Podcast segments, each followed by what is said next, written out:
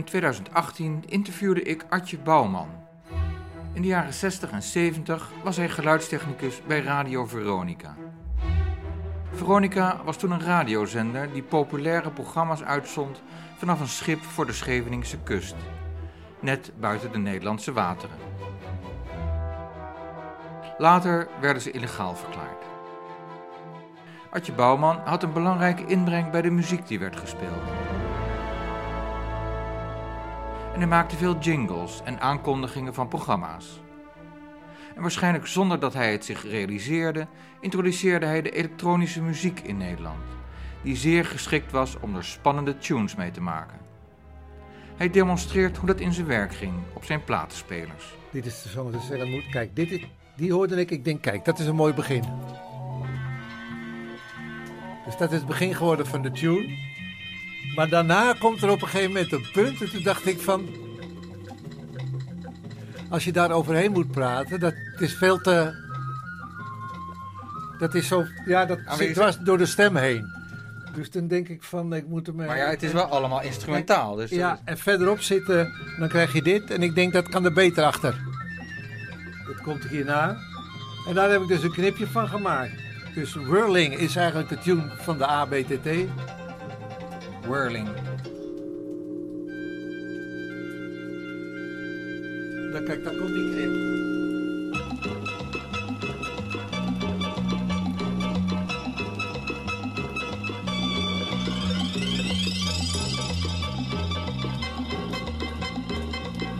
Ja, je voelt uh, stuwende energie. Ja, mooi hè? De ABTT was de Artje Bouwman top 10, zijn favoriete van die week. Na het uur te hebben volgepraat, probeerde ik op een leuke manier af te sluiten. V-E-R-O-N-I-C-A. Veronica, Veronica. Geweldig! Nou Ad, dat was het. We gaan eruit met een plaatje. Wat wordt het?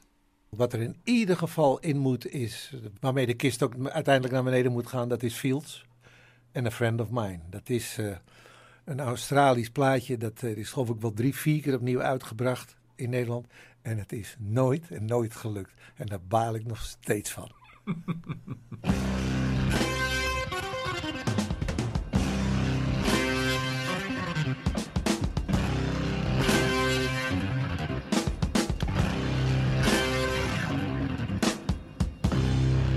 Waarmee de kist ook uiteindelijk naar beneden moet gaan. Die plastische uitdrukking is mij jaren bijgebleven.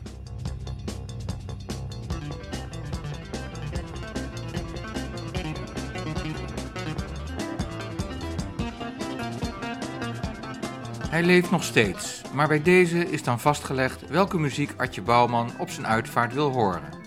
Al kan hij het dan zelf niet meer horen.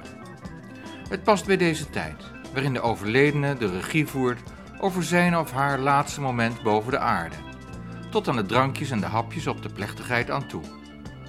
En soms spreken zij zelf nog via een videoopname de belangstellende toe.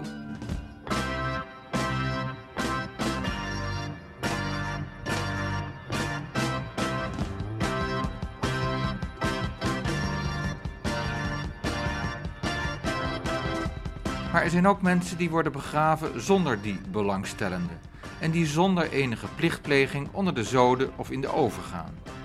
Dat zijn de zogeheten eenzame uitvaarten. Hoewel daar in de vorige eeuw, en wie weet al eerder, een oplossing voor was bedacht.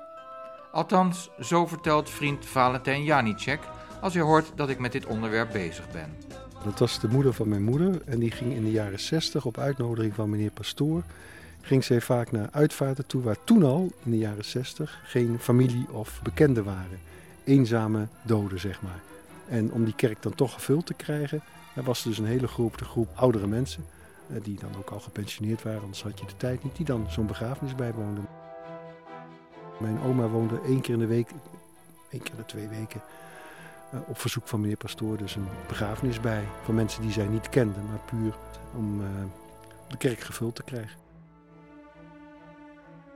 wat ik nog van mijn moeder herinner, wat ze vertelde, en ook van mijn oma, dat het dan om 20, 25 mensen gingen die dan uh, uh, een dergelijke begrafeniscoffee hadden. En dat deed ze vanuit het geloof en vanuit de medemenselijkheid? Ik vermoed omdat het, het voor haar zelfs een uitje was om naar de kerk te gaan. Ja, door de week. Normaal, als echte katholiek, ging ze alleen op zondag.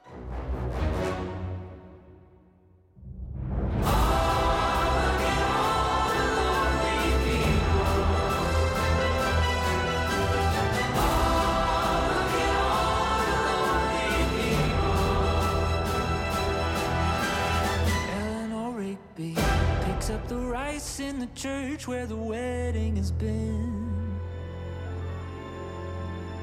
Lives in a dream, waits at the window, wearing the face that she keeps in a jar by the door. Who is it for? All the lonely people. Where do they all come from? All the lonely people. Where do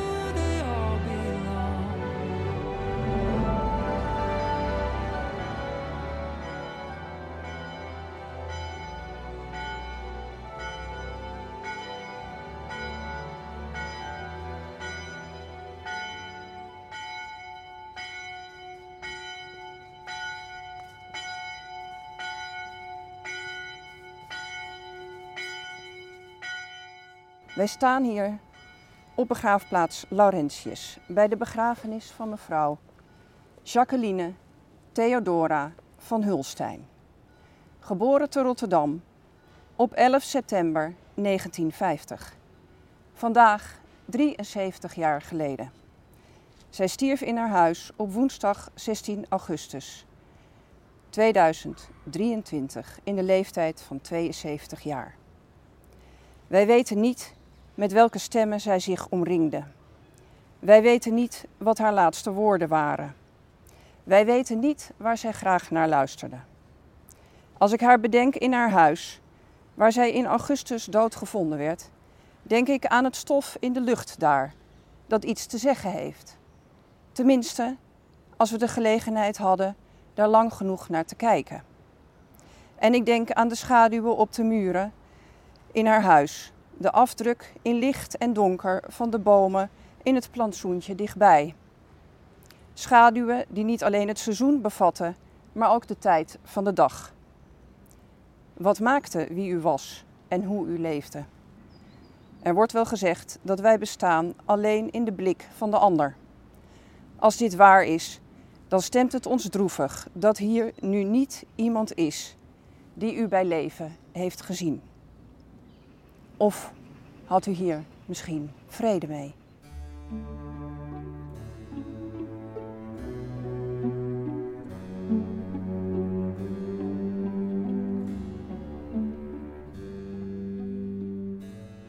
Jacqueline Theodora van Hulstein werd daags na haar overlijden aangetroffen in haar woning.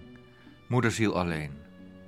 Waarom er niemand om haar gaf, zullen we nooit weten, want de gemeente Rotterdam heeft niemand kunnen bereiken.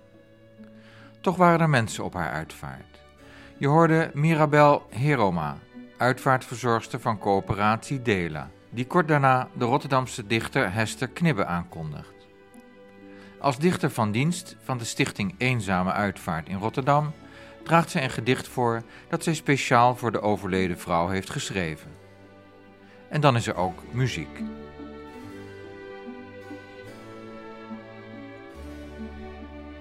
Dat gedicht ga je later in Het Gemis, een serie over eenzaamheid, horen. In deze serie onderzoek ik, Peter de Ruiter, welke gevoelens van eenzaamheid mensen ervaren, hoe dat komt en wat je daar eventueel tegen kunt doen. En er zijn ook mensen die bewust kiezen voor alleen zijn. Want met welke woorden eindigde Mirabel Heroma op de eenzame uitvaart in Rotterdam? Er wordt wel gezegd dat wij bestaan alleen in de blik van de ander. Als dit waar is, dan stemt het ons droevig dat hier nu niet iemand is die u bij leven heeft gezien. Of had u hier misschien vrede mee?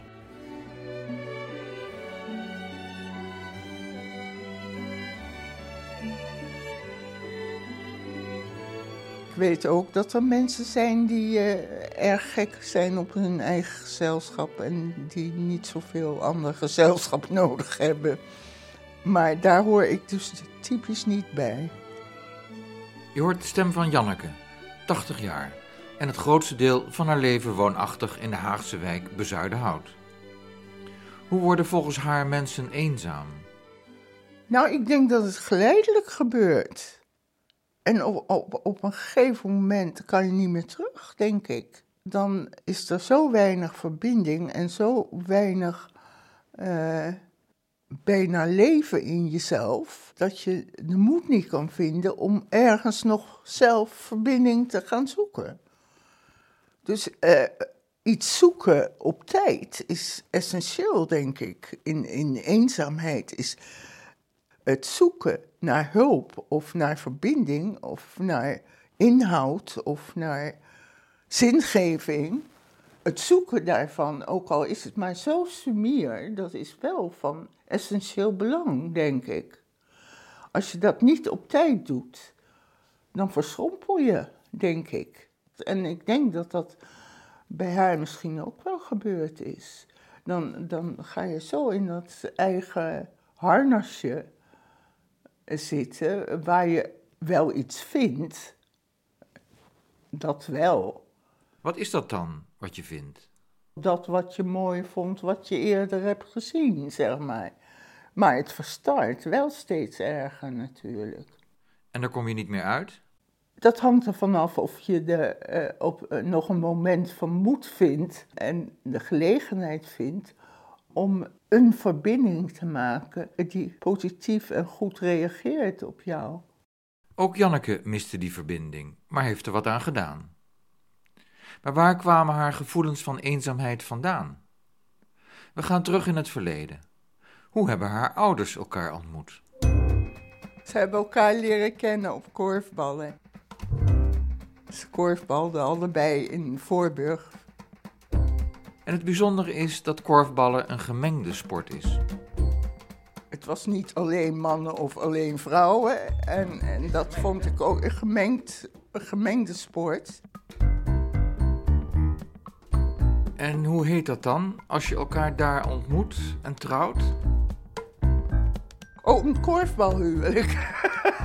ja. Dus Janneke ging ook op korfbal. Dat vond ik ook leuk, ja. En heeft ze daar ook een partner leren kennen? Nee, niet, nee ik ben er nooit... Uh, alle gewone jeugdperikelen, maar nee. En trouwen is er ook daarna niet meer van gekomen? Ik heb wel een relatie gehad, ongeveer tien jaar, maar dat is, uh, uh, ja... Toen was ik ook niet meer zo jong, maar uh, dat is inmiddels dus ook alweer uh, vrij lang geleden. Janneke heeft nooit kinderen gekregen. Nee, ook geen kinderen. En dat, uh, dat is voor mij het uiteindelijk nergens bij horen. Zeker een deel of een facet van eenzaamheid. Janneke komt uit een gezin met vier kinderen. Mijn twee zussen en broer die hadden hun eigen leven en eigen gezinnen dus ook. Met haar zus en broer heeft ze een goede verstandhouding en die ziet ze met regelmaat. Eén zus is overleden. Maar toch, zoals Janneke zegt, ze hebben en hadden hun eigen leven. Paar dagen voor ons gesprek was Janneke jarig. Wat dacht ze toen ze die dag wakker werd? In dit geval uh, had ik steeds iets van. Het moet zo geruisloos mogelijk voorbij gaan. ja. Waarom dacht ze dat? Je bent wel aan de laatste fase van je leven bezig. En ik vind ik lastig om een mijlpaal bij te plaatsen verder. Ik doe mijn best, maar ik kan er verder niks aan doen hoor. ik zie drie mooie bossen bloemen in de kamer staan. Die zijn van onder andere haar zwager en neef en van vrienden van de kerk. En tijdens ons gesprek wordt Janneke ook nog gebeld. Ja, dat was iemand van de kerk. Ik ben erg betrokken bij de Anglikaanse kerk. Daar, daar kom ik al. Sinds ik dus in Engeland geweest ben, uh, kom ik in de Anglikaanse kerk hier. Janneke heeft in haar jonge jaren anderhalf jaar in Engeland gewoond en daar aansluiting gevonden bij de Nationale Kerk. Ze gaat vrijwel elke week naar de Anglikaanse kerk in een ander deel van Den Haag. Dat is voor mij toch wel de familie die ik heb dan ook. Mijn medechristen, de medebroertjes en zusjes. Want mijn geloof is er altijd geweest, mijn hele leven lang eigenlijk. Uh, mijn geloof is mijn zingeving, laat ik het zo zeggen. Ik zit ook in het koor van die kerk. Een van de koorleden, die ik trouwens ook al heel lang ken, die, die woont hier vlakbij en daar krijg ik meestal een lift van. Ik vind het koor dus heel fijn om te doen. Dat geeft me nog deelname aan iets. Want dat is ook iets wat, je, wat voor eenzaming, voor, je neemt nergens meer deel aan op een gegeven moment. Dus als je wel ergens deel aan neemt, dat scheelt enorm.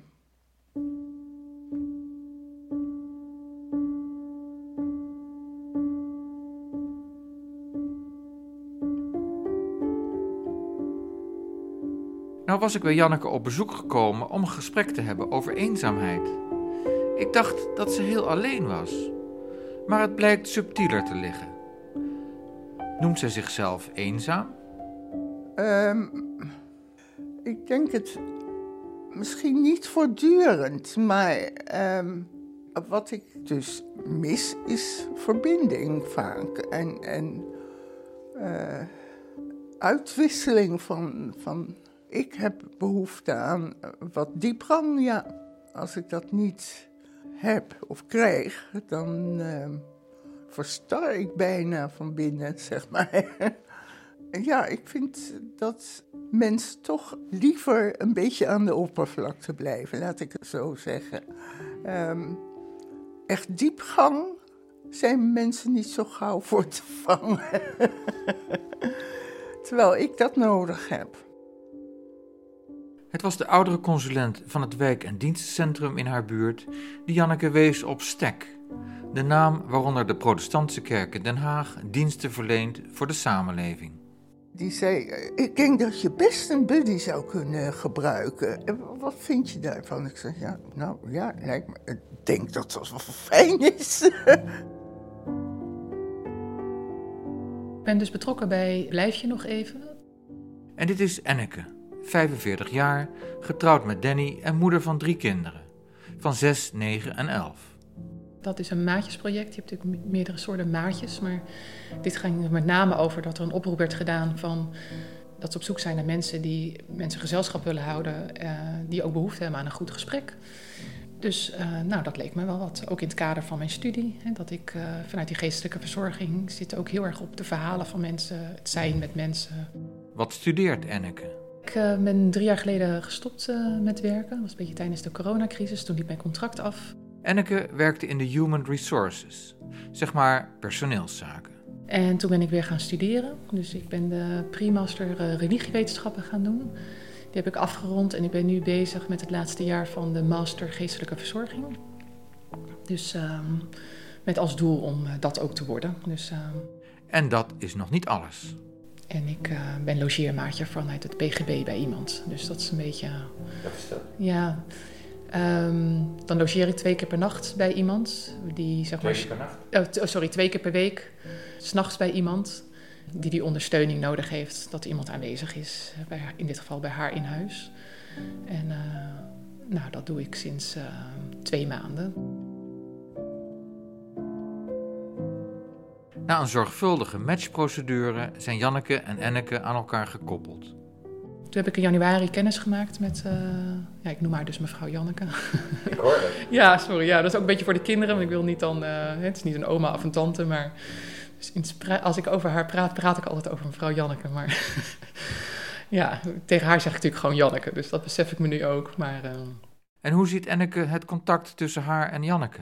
als ik ben geweest, maar ik denk ook als iemand anders is geweest en je, je hebt gewoon het leven kunnen delen met elkaar. Uh, als echt een soort ventiel, ja, dan is het leven ook gewoon letterlijk lichter. Ja, nou, en dat is natuurlijk eigenlijk helemaal niet zo heel verwonderlijk. Van dat hebben we allemaal als mens. Alleen misschien in jouw leven, maar in ieder geval in mijn leven gebeurt dat aan de lopende band. Omdat je aan de lopende band mensen tegenkomt. Maar als die vanzelfsprekendheid er niet meer is, dan merk je dus dat de druk letterlijk oploopt op het moment dat je wel die behoeftes hebt, maar het niet meer zomaar voorhanden is. Nou, en dat zegt zij dus tegen mij ook wel. Het is gewoon fijn dat je, ik kom in dit geval altijd gewoon één keer in de twee weken sowieso bij haar. En dan heel af en toe gewoon is wat er nog verder te doen is of um, um. Maar wetende dat ik, dat ik dan kom, heb ik wel het idee dat dat voor haar helpt. Omdat je weet dat, je dan, dat het er is. Het moment van een ventiel. Het gesprek met Enneke biedt ook tegenwicht voor de oppervlakkigheid in de huidige samenleving die Janneke waarneemt. Als ik de computer erbij mag halen, uh, denk ik dat het ook uh, door internet en door het communiceren via de computer, dat vervlakt. Dan kan je, heb je het stuur totaal zelf in de handen. Je ziet geen ander gezicht. Ook geen gezichtsuitdrukking dus. en, en je kan de knop omdraaien als je niet meer wil. Maar met al die social media stellen we ons toch meer open ten opzichte van elkaar? Nou, ik zou niet willen zeggen dat het opener is of minder open is. Ik zou willen zeggen dat het selectieve heel anders was. Ik bedoel, uh, men gooit nu van alles op internet waar je vroeger je zo voor zou schamen. En uh, waar je echt niet, zeker niet met uh, zoveel achterloosheid over zou willen praten.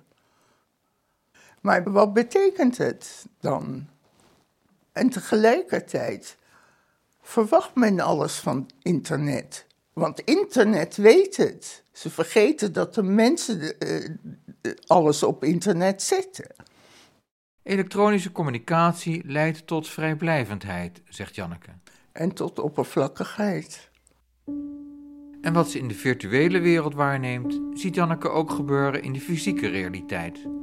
Dat was in haar tijd anders. Alles was niet ingericht op totale efficiëntie en uh, bij de supermarkt, dat de cashier mag je blij zijn als ze je aankijken. en uh, die, die, je boodschappen er doorheen gooien. En dat mag tegenwoordig ook bijna niet meer, want je, je hebt apparaten waar je het zelf moet doen. dus uh, die verbinding ook. En de dure winkels zijn er wel, die, waar het dus nog wel anders gaat en persoonlijker gaat. Maar dat zijn dure winkels, dus niet weggelegd voor uh, mensen met een klein inkomen.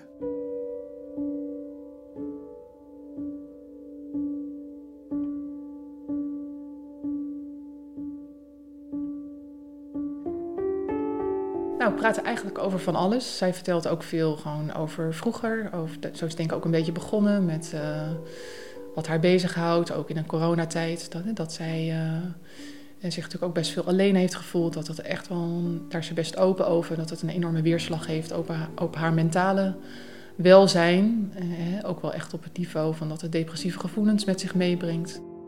En dat zij gewoon vertelt over hoe, hoe het voor haar is, of hoe haar week is geweest. Nou, zij heeft natuurlijk ook fysiek best wel dingen meegemaakt. Ze vertelt gewoon gefragmenteerd, denk ik, van nou, dit heb ik meegemaakt of dat is toen gebeurd. Maar ook in geestelijk opzicht van, uh, nou, dat waren dan bijzondere momenten, bijvoorbeeld in een ziekenhuis of dingen die ze daarin heeft meegemaakt. Ja, het gaat eigenlijk heel organisch.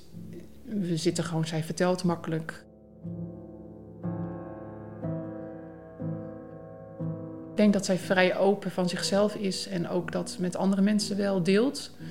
Um, wat ik wel denk, is dat het. Um, dat dacht ik daarvoor al, maar dat is bij haar wel bevestigd. Dat er, dat er natuurlijk wel mensen heel verschillende niveaus van behoefte daarin hebben. En dat ik denk bij haar wel zie dat het, dat het voor haar echt een soort lifeline is om te kunnen ventileren. En dat geldt feitelijk naar twee kanten. Wat wel echt het bijzondere is, denk ik, van onze band, is dat het echt wederkerig is. Hè? Zij, zij is heel geïnteresseerd, dus ze vraagt ook echt naar mijn leven.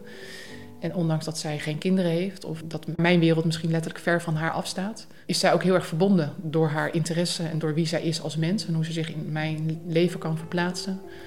in mijn leven. Dus ik deel ook echt wel gewoon persoonlijke dingen met haar over de opvoeding. Of dan zeg ik, ja, dat vind ik lastig. Of nou, hè, bepaalde zaken uh, die spelen met die kinderen, ben ik ook openhartig naar haar. Ja.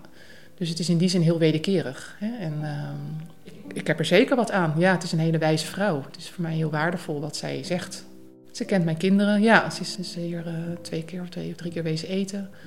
En ik vertelde ook gewoon veel over. Ik voel me ook vrij om te zeggen, nou, ik, dit was een lastige week, of ik vind dit moeilijk, of uh, ja, vind ik lastig. Ik ben ook best wel reflectief over opvoeden en dingen. En dingen. Maar ik voel me gewoon heel veel ruimte om dat te bespreken. Ja. En mijn waarneming is dat zij gewoon ook wel heel uh, wijs en gevoelig is. Dus ze zegt gewoon raken dingen terug. Ja, dat is natuurlijk. Uh, dan vliegt die twee uurtjes gewoon voorbij als een wederkerige vriendschap.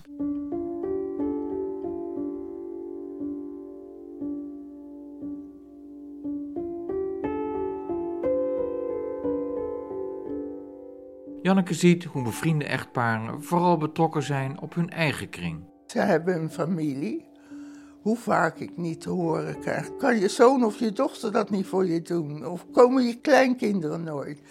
Nou, eh, meestal eh, zeg ik, ja, jammer nou, maar die heb ik niet. Maar tegenwoordig laat ik het ook gewoon wel voorbij gaan, moet ik zeggen. Ik had graag een gezin en kinderen gehad. Dat, dat, uh, en dat is iets wat ik echt altijd als een gemis en als een pijn gevoeld heb.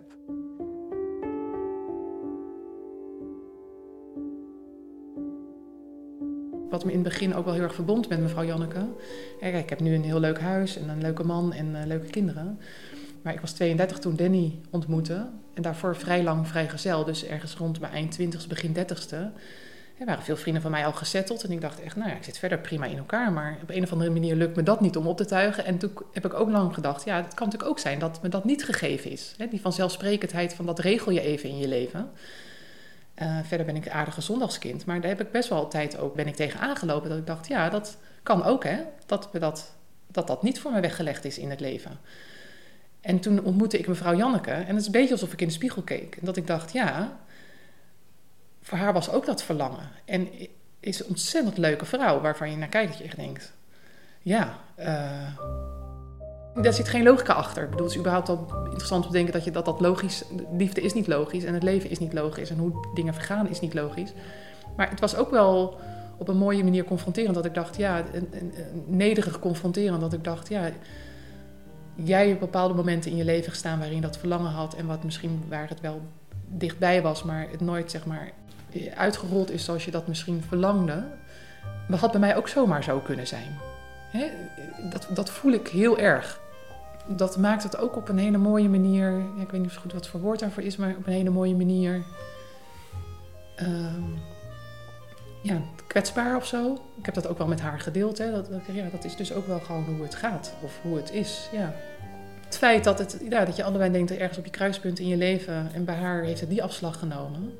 Uh, en dat heeft dus heel veel consequenties, ook in de toekomst. Leeft er bij Enneke een angst om ook eenzaam te worden? Nou, denk ik wel, ja. Nou, ik voel zelf die angst ook al wel, ja. Dat is natuurlijk ook de confrontatie daarmee. Ja. Ook omdat het helemaal niet zo ver weg is. Dat is misschien dan ook wel de aanvulling daarop. Je zegt, wat leer je daarvan? Je denkt, ja, mensen eenzaam, ja, dat, dat zijn natuurlijk de pechgevallen. Hè? Dat zijn mensen die, uh, ja, die hebben een paar afslagen net pech gehad in hun leven. En dan, maar als je kijkt naar mevrouw Janneke, dan is er natuurlijk heel veel wel. Maar toch ook eenzaamheid. Ja, en eenzaamheid kan je niet wegorganiseren. Dat, dat is iets, een dieper niveau van het leven waarin dat ontstaat.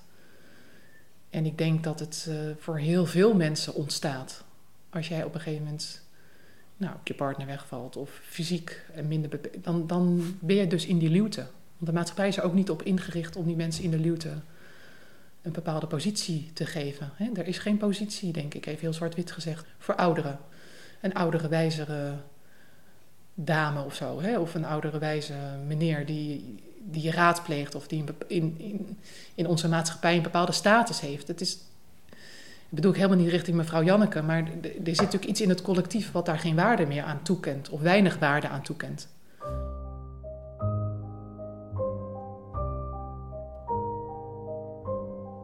Denk iedereen heel goed in zijn oren moet knopen dat dat uiteindelijk iets is wat ons allemaal wellicht te wachten staat.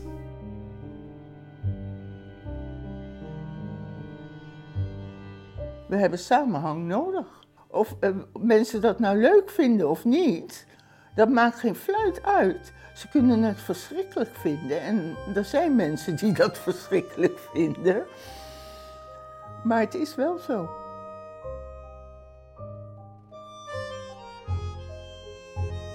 Wat me wel raakt of geraakt heeft, is nou, dat het voor mij ook wel een confrontatie is met je. Ja, ik, ik zit in een levensfase waarin ik blij ben als ik een uurtje even, uh, gewoon even iets voor mezelf kan doen. Of even denk, nou, hè, hè, nou ja, in ieder geval, het, is een vol leven met kinderen die dingen van je willen. Iedereen wil iets van me. Ik hoef niet eens na te denken over wat ik, iedereen vraagt al dingen van mij en dan kom ik in actie. Dus er wordt continu hè, een appel gedaan. Of, en dat is bij mevrouw Janneke natuurlijk volledig anders. Zij natuurlijk heel erg in een fase in haar leven zit waarin er weinig mensen echt een appel op haar doen. En dat is toch ook heel fijn. Hè? Als je het hebt over waar haal je voldoening uit in je leven, waar kan je van betekenis zijn. Dat het, dat het in mijn leven heel erg een vanzelfsprekendheid is. Omdat mensen een appel op mij doen. En dan kan ik dat betekenis aan toevoegen. En dat geeft mij een vervuld levensgevoel. Dat mensen je nodig hebben, dat, dat, er, dat je onderdeel uitmaakt van het geheel. Ik heb heel erg een vanzelfsprekendheid. En bij mevrouw Janneke zie ik dus dat die vanzelfsprekendheid op een gegeven moment is komen te vervallen ja, en dat vind ik best aangrijpend. Hè? Als je bedenkt, daar is mevrouw Janneke natuurlijk niet uniek in. Dat, dat is blijkbaar hoe het, hoe het is in de dynamiek van het leven en de maatschappij, hoe we dingen met elkaar hebben ingericht. Dat die vanzelfsprekendheden zijn komen te vallen en dat je daar dus actief weer naar op zoek moet om, dat, om daar betekenis in te gaan vinden. Actief op zoek moet ook naar eh, in verbinding blijven met mensen, waardoor je een, een vorm van betekenis weer kan vinden of toevoegen, maar dat dat. dat dat dat ergens zo stil valt. Het is een beetje alsof je met je bootje in de luwte bent gekomen. Je komt niet zomaar, zomaar van de kant af om deel te nemen aan het, aan het vaarspel wat er gaande is. En dan af en toe neemt iemand je wel weer mee, maar je gaat ook weer naar die luwte. Hoop iedere dag te nemen zoals ik het krijg en zo positief mogelijk uh, mee te nemen. En als dat even niet zo goed lukt, dan hoop ik dat weer een dag komt dat het wel weer lukt. Ik moet eerlijk zeggen dat ik eh, door mijn uh, fysieke omstandigheden regelmatig een paar keer zeker geconfronteerd ben met het eind van mijn leven. Dat is niet gemakkelijk, want dan kom je erachter dat je er eigenlijk nog niet zo klaar voor bent. Je bent er nog niet klaar. Nee. nee, mag ik het daarbij laten? Ik ben daar eigenlijk nog niet klaar voor. Ik wil nog wel, maar ik, ik wil dan eh, toch ook wel kunnen bijdragen. Maar ik ben er ook wel achter gekomen dat je altijd wel iets bij kan dragen als je probeert deel te nemen. Hè? dit. Ja, nou, ik, ik hoop hiervan dat iemand aan iets wel iets heeft en daar iets positiefs mee kan. Ik denk dat we er allemaal van opknappen als we iets meer gericht zijn op dat collectief, op het geven. Op wat heeft een ander nodig. En misschien zelfs ook als je er gewoon geen zin in hebt. Want dan denk ik nog steeds dat het je heel veel oplevert. Omdat ik denk dat niemand gelukkig, gelukkiger wordt van die eindeloze focus op jezelf. Maar ja, dat is heel erg mijn overtuiging. Dus ik denk dat iedereen ervan opknapt als je gewoon, ook al tegen heug en meug, dan nog steeds denk ik dat je verrast gaat staan over dat je als mens daar zelf van groeit. En iets, dat het iets in je opent. Dat een verlangen, maar omdat ik ook overtuigd ben dat iedereen verlangt naar iets meer collectief. Dit was het eerste deel van Het Gemis een serie over eenzaamheid van Peter de Ruiter. Dank voor het luisteren. Klik voor meer informatie naar luisterdoc.nl en luister naar de volgende delen.